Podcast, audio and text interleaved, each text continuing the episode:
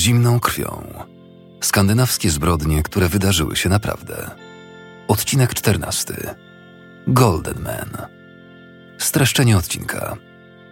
W pierwszych latach XXI wieku około miliona mężczyzn i kobiet w Danii posiadało profil na jednym z wielu dostępnych tam portali randkowych. Większość z nich wykorzystywała internet jako środek do szybkiego i łatwego nawiązywania kontaktów. Ale wśród nich mogły też być nieprzyjemne typki, oszuści o kryminalnej przeszłości, skrywający się za budzącym zaufanie profilem. Słuchasz jednego z odcinków z zimną krwią. Skandynawskie zbrodnie, które wydarzyły się naprawdę, czyli serii podcastów o prawdziwych zbrodniach w Skandynawii. Wszystko, co zaraz usłyszysz, oparte jest na faktach. Materiały zebrał i opracował Martin Hilander.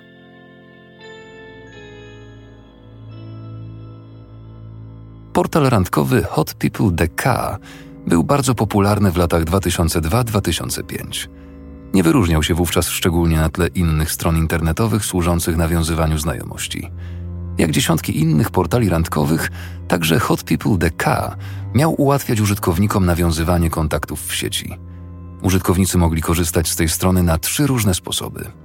Goście nieposiadający zarejestrowanego profilu poza reklamą z opisem usług dostępnych dla płatnych użytkowników nie mogli liczyć na szczególnie bogatą ofertę.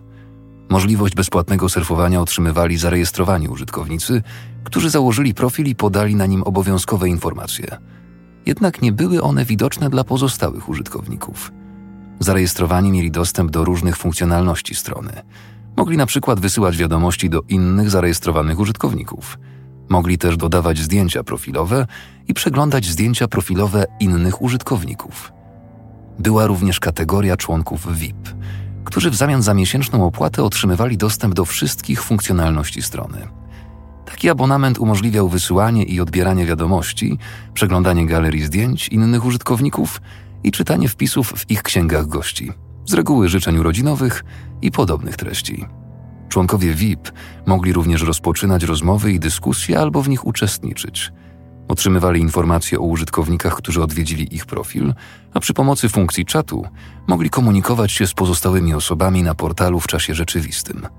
Takie czaty odbywały się zwykle pomiędzy dwoma osobami albo w specjalnych chatroomach, w których mogło spotykać się wirtualnie i pisać do siebie jednocześnie nawet ośmioro użytkowników. Rozkład płci użytkowników jest nieco zachwiany, ponieważ na większości profili randkowych dominują mężczyźni. Jeśli zaś chodzi o strukturę wiekową, ta jest stosunkowo zrównoważona. Są tam osoby w wieku od 18 do 80 roku życia. Zdecydowaną większość stanowią jednak młodzi ludzie w wieku od 20 do 40 lat. Aby móc się zarejestrować, trzeba mieć zresztą ukończone 18 lat. Trudno jednak ustalić, ilu tak naprawdę jest zarejestrowanych użytkowników. Niektórzy są bowiem nad wyraz aktywni i posiadają więcej niż jeden profil na tym samym portalu. Powszechną praktyką wśród tych bardziej aktywnych użytkowników jest również jednoczesne zakładanie profili na innych portalach randkowych. Właściciele takich stron z reguły podają do publicznej wiadomości tylko liczbę zarejestrowanych profili, która rzecz jasna znacznie przewyższa liczbę członków opłacających abonament. Portal randkowy Hot People DK we wspomnianym okresie miał ponad 300 tysięcy użytkowników pochodzących z całej Danii, a tylko niecałe 20% spośród nich opłacał abonament. W czerwcu 2004 roku na policję w Lyngby, niedaleko Kopenhagi, zgłosiła się 17-letnia dziewczyna o imieniu Bente. Została tam odesłana bezpośrednio z Centrum Pomocy Ofiarom Gwałtów w Kopenhadze i wyznała funkcjonariuszom, że w zeszłym tygodniu została zgwałcona. Napastnik nie był przypadkową osobą. Dziewczyna znała jego imię i nazwisko, ponieważ poznała go właśnie na portalu Hot People DK – do gwałtu nie doszło też bynajmniej późnym wieczorem w jakiejś ciemnej uliczce, lecz pewnego zwyczajnego wieczoru w mieszkaniu mężczyzny w Wirum, niedaleko Lingby. Mężczyzna miał na imię Peder, opowiadała dalej młoda kobieta. Podczas rozmowy z funkcjonariuszami w Lingby, Bente była zawstydzona i dręczyło ją poczucie winy. Zgodziła się pójść na policję, ponieważ od pracowników Centrum Pomocy w Kopenhadze dowiedziała się, że dopiero co inna dziewczyna z Lingby wyznała im, że została w podobny sposób zgwałcona przez mężczyznę, który też miał na imię Peder. Bente przyniosła ze sobą na posterunek w Lingby wyniki badań, które w centrum pomocy są wykonywane za zgodą ofiary. Dziewczyna, która dzień wcześniej oskarżyła Pedera o gwałt, miała na imię Tina. Tina ma 19 lat i pochodzi z Kopenhagi. Ona również poznała Pedera na portalu randkowym Hot People DK. Do obydwu gwałtów doszło w odstępie zaledwie dwóch dni. Podobny czas upłynął pomiędzy wizytami obu dziewczyn w ośrodku dla ofiar. Gdyby pracownicy ośrodka nie opowiedzieli Bente o wizycie Tiny zaledwie kilka dni wcześniej, dziewczyna raczej nie zebrałaby się na odwagę, by złożyć doniesienie. Niewiele brakowało, a Tina również nie poszłaby ani na policję, ani do ośrodka, ponieważ podobnie jak Bente wstydziła się, że została zgwałcona. Obie młode kobiety czuły się niezręcznie z powodu swojego naiwnego zachowania i nie mogły znieść myśli, co powiedzieliby ich przyjaciele i rodzina, gdyby dowiedzieli się, co je spotkało, a przede wszystkim, jak do tego doszło. Tina wyznała funkcjonariuszom, że profil na Hot People DK założyła przede wszystkim z ciekawości. Któregoś dnia otrzymała za pośrednictwem portalu wiadomość od użytkownika ukrywającego się za profilem Golden Man. Cześć, miałabyś ochotę spędzić ze mną jeden dzień? Zapłaciłbym ci 10 tysięcy koron. W przeliczeniu około 15 700 złotych. Tinę zainteresowała tajemnicza oferta. Odpisała więc, że dużo zależy od wyglądu pytającego. Golden Man zaproponował, że prześle jej swoje zdjęcie. Tina podała mu swój adres mailowy, żeby mógł od razu załączyć więcej fotografii.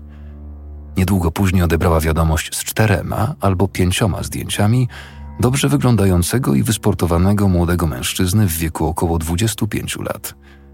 Pierwszą myślą Tiny było to, że tak przystojny mężczyzna na pewno nie musi przecież płacić za spotkanie z dziewczyną. Podzieliła się tą refleksją z Golden Manem, który odpowiedział, że jego praca nie pozwala mu na nawiązanie poważnej relacji. Wiele razy w miesiącu podróżuje bowiem pomiędzy Kopenhagą a Londynem. Tina uznała to wyjaśnienie za wiarygodne i postanowiła dać mu swój numer telefonu. Zadzwonił bardzo szybko. W ciągu dnia rozmawiali kilkakrotnie, a Tina doszła do wniosku, że mężczyzna po drugiej stronie słuchawki ma miły głos, budzący zaufanie. Wieczorem zadzwonił jeszcze raz i zaproponował spotkanie. Był nawet gotów zobaczyć się z nią od razu. Zaprosił ją do siebie do domu. Tina miała już wprawdzie inne plany na wieczór, kiedy jednak Goldman podniósł stawkę z 10 tysięcy do 25 tysięcy koron, około 40 tysięcy złotych, a chwilę później podczas rozmowy zaproponował niewiarygodną sumę 50 tysięcy koron, czyli około 80 tysięcy złotych. Ostatecznie się zgodziła. Poprosiła go jednak, żeby po nią przyjechał. Golden Man z przykrością musiał odmówić. Akurat pożyczył samochód bratu. Ostatecznie umówili się, że zamiast tego spotkają się następnego dnia. Wieczorem Tina nie mogła zasnąć. Nie mogła wprost uwierzyć, że zgodziła się na spotkanie z Golden Manem, nawet jeśli miała dostać za to 10 tysięcy koron, albo nawet więcej. Taka kwota mogła oznaczać tylko jedno: że będzie chciał uprawiać z nią seks. Ona zaś nie chciała iść do łóżka z obcym mężczyzną za pieniądze. To byłaby przecież prostytucja. Tina zdołała zasnąć dopiero, kiedy postanowiła nazajutrz zadzwonić do mężczyzny i odwołać spotkanie. Oczywiście Golden Man był rozczarowany, że ostatecznie zdecydowała się odrzucić jego ofertę. Namawiał ją coraz usilniej, zapewniając jednocześnie, że będzie mogła wyjść w każdej chwili, gdyby jednak zaczęła żałować tego spotkania. Tina w dalszym ciągu nie chciała odwiedzać mężczyzny u niego w domu. Może jednak mogliby spotkać się w hotelu. Ale Golden Man nie chciał na to przystać. Skoro miał zapłacić 10 tysięcy koron za spotkanie, to chciał, żeby odbyło się ono w jego własnym domu albo wcale. Ostatecznie umówili się po południu przy stacji kolejki w Wirum. Tinie wydawało się, że to dobry kompromis. Kiedy była już w pociągu do Wirum, Golden Man przysłał jej SMS-a. Pisał, że prawdopodobnie nieco przytył od momentu, w którym zostały zrobione zdjęcia, które jej wysłał.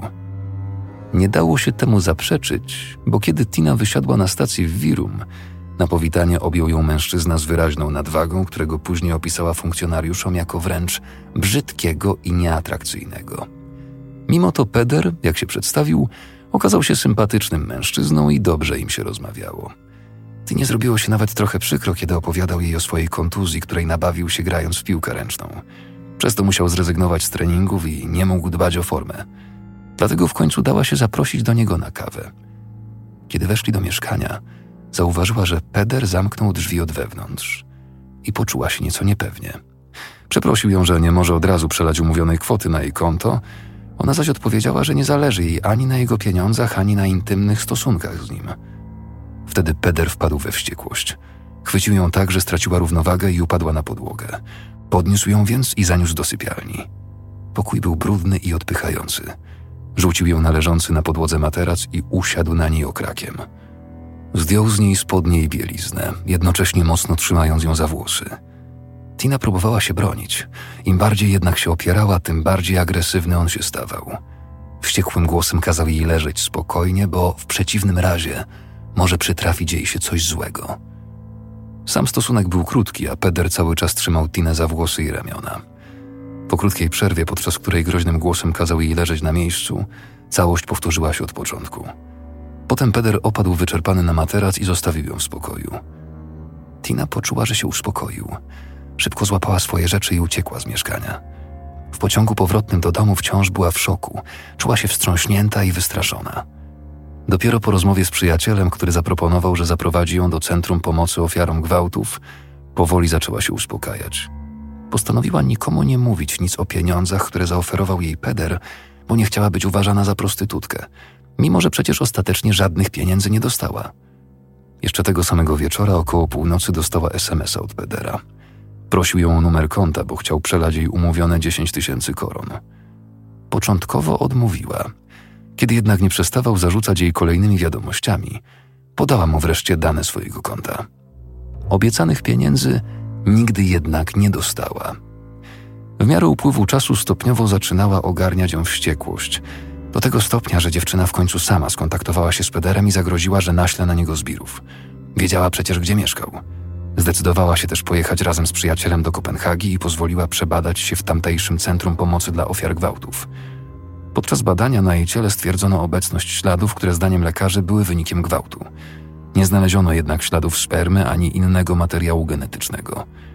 Po licznych rozmowach z pracownikami ośrodka, Tina zdecydowała się zgłosić gwałt na policję. Nadal jednak było jej ogromnie wstyd z powodu tego, co się stało. Stopniowo jednak uczucie wstydu zamieniło się w złość. Przede wszystkim dlatego, że Golden Man pewnie myślał sobie, że może robić co tylko chce. Historia siedemnastoletniej Bente jest bardzo podobna do opowieści Tiny. Ona także założyła niezobowiązujący profil na Hot People DK, żeby poznać nowych ludzi, jak powiedziała później policji. Bente również otrzymała wiadomość od mężczyzny o pseudonimie Golden Man, który zaoferował jej 10 tysięcy koron w zamian za seks. Chętnie razem z przyjaciółką, tą, której Bente dawała buziaka na swoim zdjęciu profilowym. Dokładnie tak samo jak w przypadku Tiny, wkrótce potem Golden Man wysłał Bente wiadomość mailową ze zdjęciami przystojnego młodzieńca. Zadzwonił też do niej i przedstawił się jako prezes jednej z kopenhaskich agencji reklamowych – Zaproponował, że zapłaci Benty i jej przyjaciółce po 10 tysięcy koron, jeśli zgodzą się na seks w trójkącie. Przyjaciółka miała chłopaka. Benty była więc przekonana, że nie będzie chciała o tym słyszeć. Jej samej zaś przydałoby się te 10 tysięcy koron. Tak jak myślała, przyjaciółka nie chciała mieć z tą sprawą nic wspólnego, nawet gdy Golden Man podwyższył ofertę – Najpierw do 25 tysięcy, a potem do 80 tysięcy koron, około 125 tysięcy złotych dla każdej z kobiet. Ostatecznie Bente przyjęła ofertę Goldenmana w wysokości 10 tysięcy koron i 18 czerwca udała się do Wirum. Mężczyzna, który otworzył jej drzwi mieszkania, z pewnością nie był tym, który widniał na przesłanych jej zdjęciach. Pomimo tego Bente weszła za pederem do środka. Usiedli na kanapie i przez chwilę oglądali telewizję. Wreszcie Peder zaproponował, żeby poszli do łóżka. Powiedział też, że umówione 10 tysięcy przeleje jej na konto następnego dnia. Dodatkowo obiecał podarować jej zegarek Gucci, który jej pokazał. Bente pozwoliła Pederowi dotykać się na sofie przez jakiś kwadrans. Potem jednak od nieprzyjemnego zapachu jego ciała zrobiło jej się niedobrze. Ale kiedy chciała wstać, mężczyzna złapał ją mocno za ramiona i zaciągnął do obrzydliwej sypialni z materacem na podłodze. Zdarł z niej ubranie i chwycił ją jedną ręką za włosy. Potem przygniótł do materaca całym ciężarem swojego ciała i zgwałcił. Kiedy w pewnym momencie puścił jej włosy, dziewczyna spróbowała wymknąć się z sypialni. On jednak siłą zaciągnął ją z powrotem na materac i gwałcił przez kolejne dziesięć minut. Kiedy wreszcie skończył, wypuścił ją z uścisku i obrócił się na plecy. Bente pospieszyła do toalety, gdzie pobieżnie się obmyła. Gdy była gotowa i chciała już opuścić mieszkanie, Poczuła niespodziewane objęcie Pedera, które wzbudziło w niej obrzydzenie. Powiedział, że przeleje jej pięć tysięcy koron, jeśli będzie trzymać buzię na kłódkę i nikomu nie powie, co zaszło. Będąc już w bezpiecznej odległości od mieszkania gwałciciela, będę zadzwoniła do koleżanek. Dziewczęta pojechały z nią na ostry dyżur do szpitala w Holbeck, skąd zorganizowano jej transport do Centrum Pomocy Ofiarom Gwałtów w Kopenhadze. Pracownicy centrum znaleźli na jej ciele ślady przemocy fizycznej. Zlecili również analizę genetyczną zabezpieczonych śladów spermy. Lekarze radzili Bente jak najszybciej złożyć doniesienie na policji. Bente była jednak zła i zawstydzona i wcale nie chciała iść na policję. Dopiero dowiedziawszy się o Tinie, którą niedawno przebadano w tym samym ośrodku z powodu podobnego ataku, Bente zebrała się na odwagę, by złożyć doniesienie w sprawie gwałtu. 24 czerwca 2004 roku Peter Goldenman został zatrzymany w swoim mieszkaniu. Poinformowano go, że policja otrzymała dwa doniesienia w sprawie gwałtu. Mężczyzna wszystkiemu zaprzeczył, twierdząc, że dziewczęta wcale się nie broniły.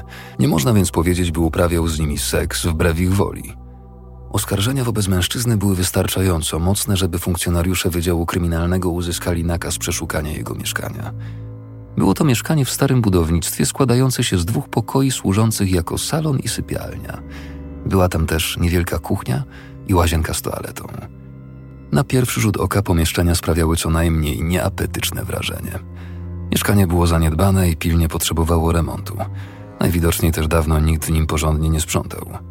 W salonie wszędzie walały się puste puszki po napojach, pudełka po pizzy. Kuchnia zdążyła całkiem zarosnąć brudem. Łazienka? Lepiej nie mówić. Zgodnie z zeznaniami obu kobiet na podłodze w sypialni znajdował się poplamiony materac. Policyjni technicy kryminalistyki zabrali ze sobą komputer Bedera i różne inne przedmioty, by dokładniej przebadać je w laboratorium. Wśród nich były innymi znalezione pod stolikiem czarne figi damskie. Przy pomocy Pedera policja zajęła się analizą zawartości jego komputera. Na każdym komputerze znajduje się folder, w którym przechowywane są informacje o wszystkich wykonywanych na nim operacjach. Ten folder można usunąć, jeśli ktoś się na tym zna. Nie jest to jednak takie proste. Folder na komputerze Pedera był nietknięty. Policyjni eksperci do spraw IT sporządzili m.in. listę portali randkowych, z których Peder korzystał w ostatnich latach. Przy pomocy administratorów dwóch najczęściej odwiedzanych przez niego portali, Hot People DK oraz Dating DK, funkcjonariusze przygotowali zaś kolejną listę zawierającą nazwy profili utworzonych i wykorzystywanych w ostatnich latach przez Pedera na tym komputerze. Były wśród nich profile o następujących nikach: Golden Man, PT Boy, CEO, Młody CEO, Handball Guy, PT, PT Denny i Merlinio. Technicy zebrali ponadto w jednym miejscu całą korespondencję prowadzoną przez Pedera na portalach randkowych. Przeszukano jego konta e-mail i skontaktowano się z operatorem jego telefonu, by uzyskać informacje o połączeniach wychodzących i przychodzących oraz wiadomościach tekstowych z ostatnich dwóch lat. Inaczej mówiąc, śledczym udało się zgromadzić aż nadto materiałów do analizy. Policja w Lingby przypuszcza, że Peder może być nałogowym przestępcą – Większość przestępców nie wykazuje się szczególną pomysłowością w kwestii tzw. Tak modus operandi. Jeśli raz im się uda, za każdym kolejnym razem postępują dokładnie w taki sam sposób. Pojęcie modus operandi zostało zaczerpnięte z łaciny i można przetłumaczyć je jako sposób postępowania albo sposób działania. Stosuje się je do opisania nawyków danej osoby, w szczególności właśnie w kontekście śledztwa w sprawach karnych. A w tym przypadku trzeba powiedzieć, że Peder, kontaktując się najpierw z Tiną, a potem z Bente, który ostatecznie zgwałcił, zdecydował się na identyczny sposób postępowania. Można więc założyć, że te dwa przestępstwa seksualne popełnione w czerwcu nie są bynajmniej jedynymi, jakie Peder ma na sumieniu. Policja wie jednak również, że nie każdy gwałt i nie każda próba gwałtu są zgłaszane. Najczęściej ofiary są tak zawstydzone, że w żadnym wypadku nie chcą iść na policję. Ofiary gwałtów często nie wiedzą też, czy mogły coś zrobić, albo może czegoś nie robić, żeby zapobiec przestępstwu.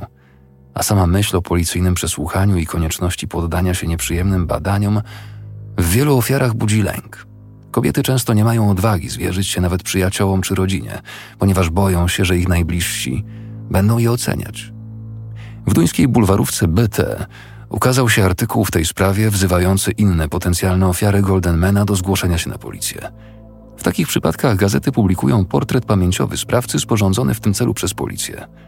W pierwszym tygodniu po zatrzymaniu Pedera policja otrzymała 34 zgłoszenia od kobiet z całego kraju. W części przypadków postępowanie można było od razu zawiesić. Zgłoszenia pochodziły bowiem od kobiet, które wprawdzie miały kontakt z pederem przez internet, jednak złe przeczucia nakazały im wycofać się zanim doszło do spotkania. Część zgłoszeń dotyczyła roku 2002. Do pierwszych przestępstw doszło w Arhaus, gdzie peder mieszkał kilka lat wcześniej. Składane przez kobiety doniesienia przyjmowały w większości centra pomocy ofiarom gwałtów w Aarhus, Alborg, Odense oraz w Kopenhadze. Policjanci z tych miast przesłuchali wszystkie 34 kobiety i przekazali raporty z przesłuchań do Lingby. W Lingby natomiast podjęto próbę podziału licznych zgłoszeń na kategorie. Wszystkie zgłoszenia dotyczyły tego samego sprawcy pedera.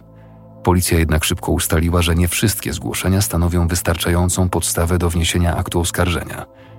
Języczkiem uwagi był moment pomiędzy dokonaniem gwałtu a sposobnością, kiedy ofiara mogła powiedzieć nie. Cała trudność polegała na dokładnym określeniu tego momentu. Dodatkowym utrudnieniem był zaś fakt, że w każdym ze zgłoszonych przypadków strony umówiły się na przekazanie pieniędzy w zamian za spotkanie. Policjanci starali się więc, we współpracy z prokuraturą, która ostatecznie miała wytoczyć sprawę przed sądem, podzielić czyny na podgrupy. W jednych okolicznościach przestępstwa ofiary czuły się wprawdzie źle potraktowane przez pedera, jednak nie powiedziały mu wystarczająco jasno i wyraźnie, że ma je zostawić w spokoju. Do tej grupy zaliczało się również kilka kobiet, które podczas przesłuchania wyznały, że nie zdecydowały się na opuszczenie mieszkania pedera przy pierwszej nadarzającej się okazji. Były jednak i takie przypadki, w których ofiara później odwiedziła pedera ponownie, albo też przypadek kobiety, która zgodziła się na seks w trójkącie z pederem i jeszcze jedną dziewczyną. Niektóre z kobiet podczas przesłuchania przyznały, że prawdopodobnie wzięłyby pieniądze i nie składałyby doniesienia, gdyby peder po prostu przelał uzgodnioną kwotę na ich konto – czego zresztą nie zrobił w żadnym ze zgłoszonych przypadków. Wreszcie były też sytuacje, które należało zaklasyfikować jako dokonane gwałty. Spośród 34 zgłoszeń stopniowo odrzucono 27. Albo z powodów wspomnianych powyżej dość niepewnych okoliczności popełnienia przestępstwa, albo ponieważ kobiety uważały, że po prostu nie są w stanie uczestniczyć w długotrwałym i publicznym procesie. Ostatecznie policja wszczęła dochodzenie tylko w siedmiu sprawach, w tym również w sprawach Tiny, oraz Bente. Policyjne przesłuchania Pedera opierały się na fakcie, że wszystkie kobiety zostały przez niego zmuszone do odbycia stosunku albo poprzez przemoc fizyczną, albo połączenie gruźb, przemocy i szantażu finansowego. Peder przyznał się do współżycia ze wszystkimi kobietami. Twierdził jednak, że stosunki odbywały się za zgodą obu stron i nie może być mowy o gwałtach. Obiecywał wprawdzie kobietom duże sumy pieniędzy w zamian za spotkanie z nim, zarówno na piśmie, jak i w rozmowach, nigdy jednak nie miał zamiaru zapłacić żadnej z nich. Peder przyznał więc pośrednio, że celowo wprowadził je w błąd, wedle jego własnej oceny wyłącznie w kwestii finansowej. Z przesłuchania ofiar i oskarżonego wynika, że począwszy od 2002 roku w sposobie postępowania Pedera dawało się zaobserwować wyraźny system – Zawsze najpierw nawiązywał kontakt z ofiarą za pośrednictwem jednego z portali randkowych, gdzie oferował duże sumy pieniędzy w zamian za spędzenie z nim wieczoru. Po nawiązaniu kontaktu wysyłał kobietom zdjęcia młodego, wysportowanego mężczyzny. Były to po prostu przypadkowe zdjęcia znalezione w internecie. Kontaktował się ze swoimi ofiarami mailowo i przedstawiał jako zamożny biznesmen z Kopenhagi, który szuka partnerki na weekendowy związek. Czasami podawał się też za odnoszącego sukcesy trenera piłki ręcznej – jeśli któraś z kobiet mu odpisała, proponował jej spotkanie. Zwykle wybierał jakieś miejsce publiczne, kawiarnie, dworzec i tym podobne. Chciał w ten sposób sprawić, żeby kobiety czuły się bezpiecznie przed spotkaniem z obcym mężczyzną. Jednak na krótko przed umówioną godziną spotkania dzwonił do ofiary i, udając zdyszanego, przepraszał, że jednak nie da rady dotrzeć na umówione miejsce, bo zatrzymały go sprawy biznesowe albo inny ważny powód. Zamiast tego proponował spotkanie od razu u niego w mieszkaniu – Część z jego prób podbojów spalała w tym momencie na panewce, bo niektóre kobiety nabierały uzasadnionych podejrzeń. Często jednak udawało mu się zwabić ofiarę do swojego mieszkania. Kiedy kobieta zjawiała się pod umówionym adresem w Wirum albo w Archus, zawsze zastawała uchylone drzwi do mieszkania. Peder zaś wołał z łazienki, żeby weszła i poczekała chwilę, bo właśnie bierze prysznic. W ten sposób zwabiał je do środka. Gdyby powitał je w drzwiach osobiście, większość kobiet nie zechciałaby nawet przekroczyć progu mieszkania. Nawet sam Peder to wiedział. Kiedy wreszcie wychodził z łazienki z głową owiniętą ręcznikiem, czekająca na niego kobieta przeżywała ogromne zaskoczenie, bo nie był nawet podobny do mężczyzny, którego widziała na zdjęciach. Wyjaśniał wtedy, że od dłuższego czasu zmaga się ze skutkami kontuzji, której nabawił się podczas gry w piłkę ręczną, dlatego nie może już trenować. Część kobiet wyznawała podczas przesłuchania, że w tym momencie mężczyzna wzbudzał w nich współczucie. Nakłaniał następnie kobietę do pozostania, zapewniając, że uzgodniona kwota, zwykle 10 tysięcy koron albo więcej, została już przelana na jej konto. Peder pilnował najczęściej, żeby spotkania odbywały się w piątek albo w weekend. Dzięki temu miał pewność, że ofiara nie będzie mogła sprawdzić, czy pieniądze rzeczywiście wpłynęły na jej konto. Jak wiemy, w rzeczywistości nigdy nie doszło do przelewu. Podczas przesłuchania Pedera funkcjonariusze domyślali się już, dlaczego oskarżony wzbudzał zaufanie kobiet. Potrafił się elegancko wypowiadać, zachowywał się spokojnie, nigdy nie działał pod wpływem impulsu ani nie wpadał we wściekłość. Wszystkie kobiety zgodziły się z policją, że Peder potrafił też doskonale słuchać. Ale tylko przez chwilę, bo kiedy tylko gość zaczynał zbierać się do wyjścia, co z reguły miało miejsce niedługo po przybyciu, następowała całkowita przemiana. Peder nagle stawał się brutalny i agresywny. Kilka kobiet opowiedziało, jak na ich oczach jego spojrzenie nagle zrobiło się mętne, a on sam całkowicie się odmienił.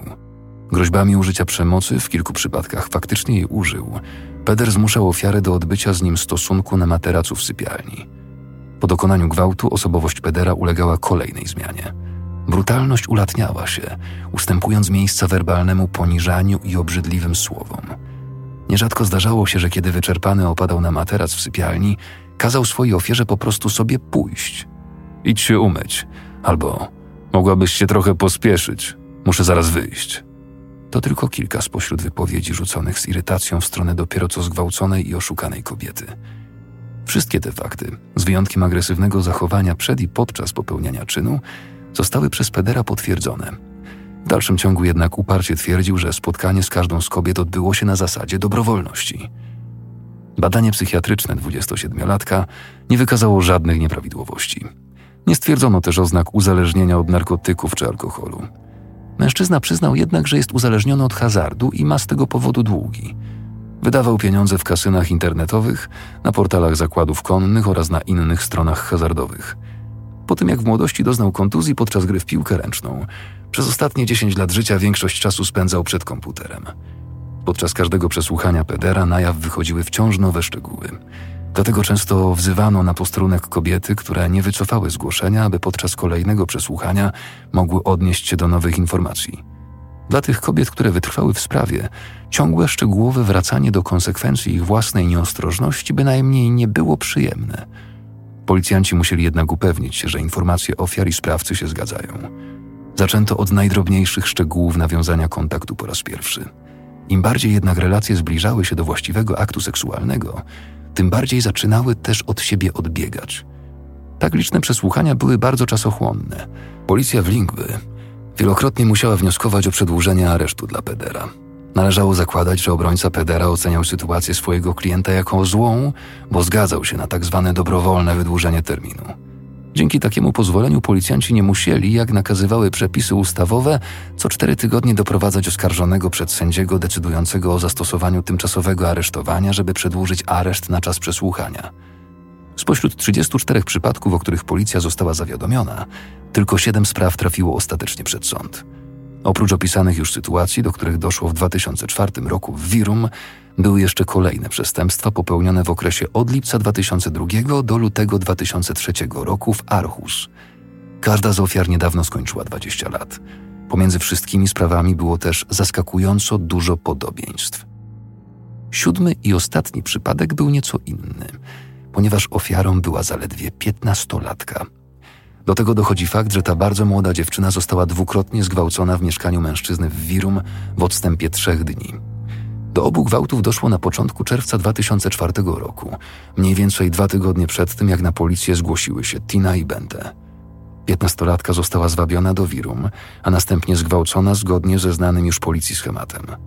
Uciekając z mieszkania, dziewczyna postanowiła absolutnie nikomu nie mówić, co ją spotkało. Jednak w kolejnych dniach Peder terroryzował ją, wysyłając kolejne wiadomości SMS i prosząc o jeszcze jedno spotkanie. Kiedy nie chciała się zgodzić, zaczął jej grozić – Napisał, że coś złego spotka ją i jej młodszą siostrę. Dziewczyna była przestraszona. Bała się ponadto, że wtedy jej rodzina na pewno dowiedziałaby się o gwałcie. Wreszcie postanowiła ponownie pojechać do Wirum. Jej druga wizyta u Pedera była podobna do pierwszej i zakończyła się ponownym gwałtem. Był już bardzo późny wieczór i jej ostatni pociąg do domu dawno już odjechał. Dziewczyna opuściła więc mieszkanie Pedera dopiero o ósmej rano. Dopiero kiedy pod koniec czerwca prasa napisała o doniesieniach złożonych przez Tinę i Bentę, piętnastolatka zaczęła się zastanawiać, czy ona również nie powinna zgłosić się na policję. Wciąż jednak bardzo bała się, co pomyśleliby o niej przyjaciele i znajomi. Zdecydowała się wysłać wiadomość e-mail do bulwarówki Extra Bladet. To właśnie ta gazeta w jednym z artykułów wezwała czytelników do zgłaszania wszelkich informacji w tej sprawie. Redakcja Extra Bladet namówiła dziewczynę, by ta zgodziła się na wykonanie anonimowego i zamazanego zdjęcia do gazety. Pomimo zanonimizowanego zdjęcia rozpoznał ją jeden z przyjaciół rodziny. Teraz musiała już powiedzieć prawdę rodzinie i przyjaciołom. Kiedy już przebrnęła przez ten etap, była gotowa, żeby złożyć doniesienie na policji i opowiedzieć, co ją spotkało. 10 czerwca 2005, niemal dokładnie rok po wpłynięciu pierwszych zgłoszeń i trzy lata po tym, jak Peder założył swój pierwszy profil na portalu randkowym, przed Sądem Krajowym odbyła się pierwsza rozprawa. Peder został oskarżony o siedmiokrotny gwałt oraz o szereg oszustw związanych z podnajmem należących do niego mieszkań w Arhus i w Kopenhadze. Każda z siedmiu ofiar gwałtu zeznawała przeciwko niemu przed sądem. Postępowanie toczyło się przed sądem przysięgłych. To oznacza, że 12 lub 24 zwykłych obywateli nie będących prawnikami wspólnie z sędzią decydowało o tym, czy oskarżony ma zostać uznany za winnego i jak wysoka kara ma zostać mu wymierzona. Członkowie sądu przysięgłych nie muszą mieć żadnego szczególnego wykształcenia. Nie muszą też posiadać wiedzy pozwalającej na zajmowanie stanowiska wobec wielu skomplikowanych aspektów prawnych, którymi zarówno prokuratorzy, jak i obrońcy chętnie posługują się podczas postępowania. W tej sprawie orzekało 24 przysięgłych. I szczególnie ważne było to, żeby prokurator wyraźnie uzmysłowił im, że w przypadku gwałtu elementy przemocy nie muszą mieć wyłącznie natury fizycznej – Sama groźba użycia przemocy, pochodząca od osoby, której uwarunkowania fizyczne faktycznie pozwalają na jej zastosowanie, może być zatem utożsamiana z rzeczywistym użyciem przemocy. Obrońca z urzędu rozpoczął następnie od zadania pytania, jak to możliwe, że dorosła kobieta daje się zwabić do mieszkania obcego mężczyzny prosto do jaskini lwa. Dla ofiar jest to jedna z najbardziej drażliwych kwestii w całej sprawie. Prokurator wskazał na szereg możliwych wyjaśnień – naiwność, nieroztropność, zwykłe ludzkie współczucie i litość w stosunku do sprawcy. Nie należy też zapominać o fałszywym poczuciu zażyłości stwarzanym przez internet. Podczas rozprawy Peder wielokrotnie powtarzał, że zarzuty kobiet to zwykły spisek przeciwko niemu i próba zemszczenia się za to, że wbrew umowie nie wypłacił im pieniędzy. Sprawiał wrażenie, jakby nie rozumiał, że w obliczu fizycznego znęcania się brak pieniędzy jest kwestią całkowicie drugorzędną.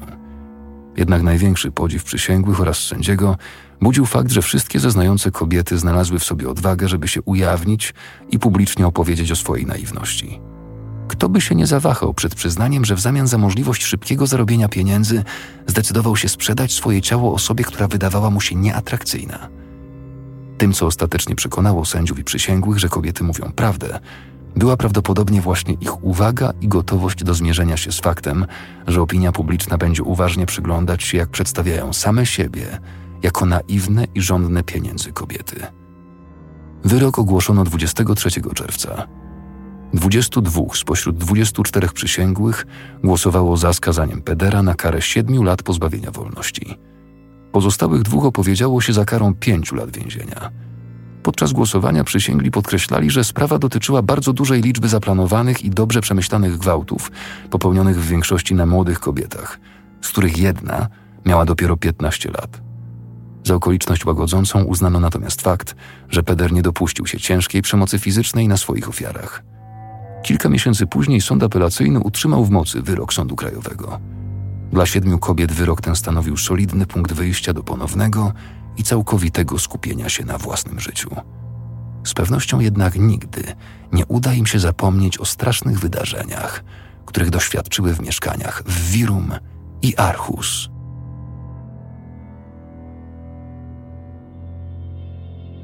Wersja polska, tłumaczenie i realizacja nagrań Roboto Sound. Czytał Filip Kosior.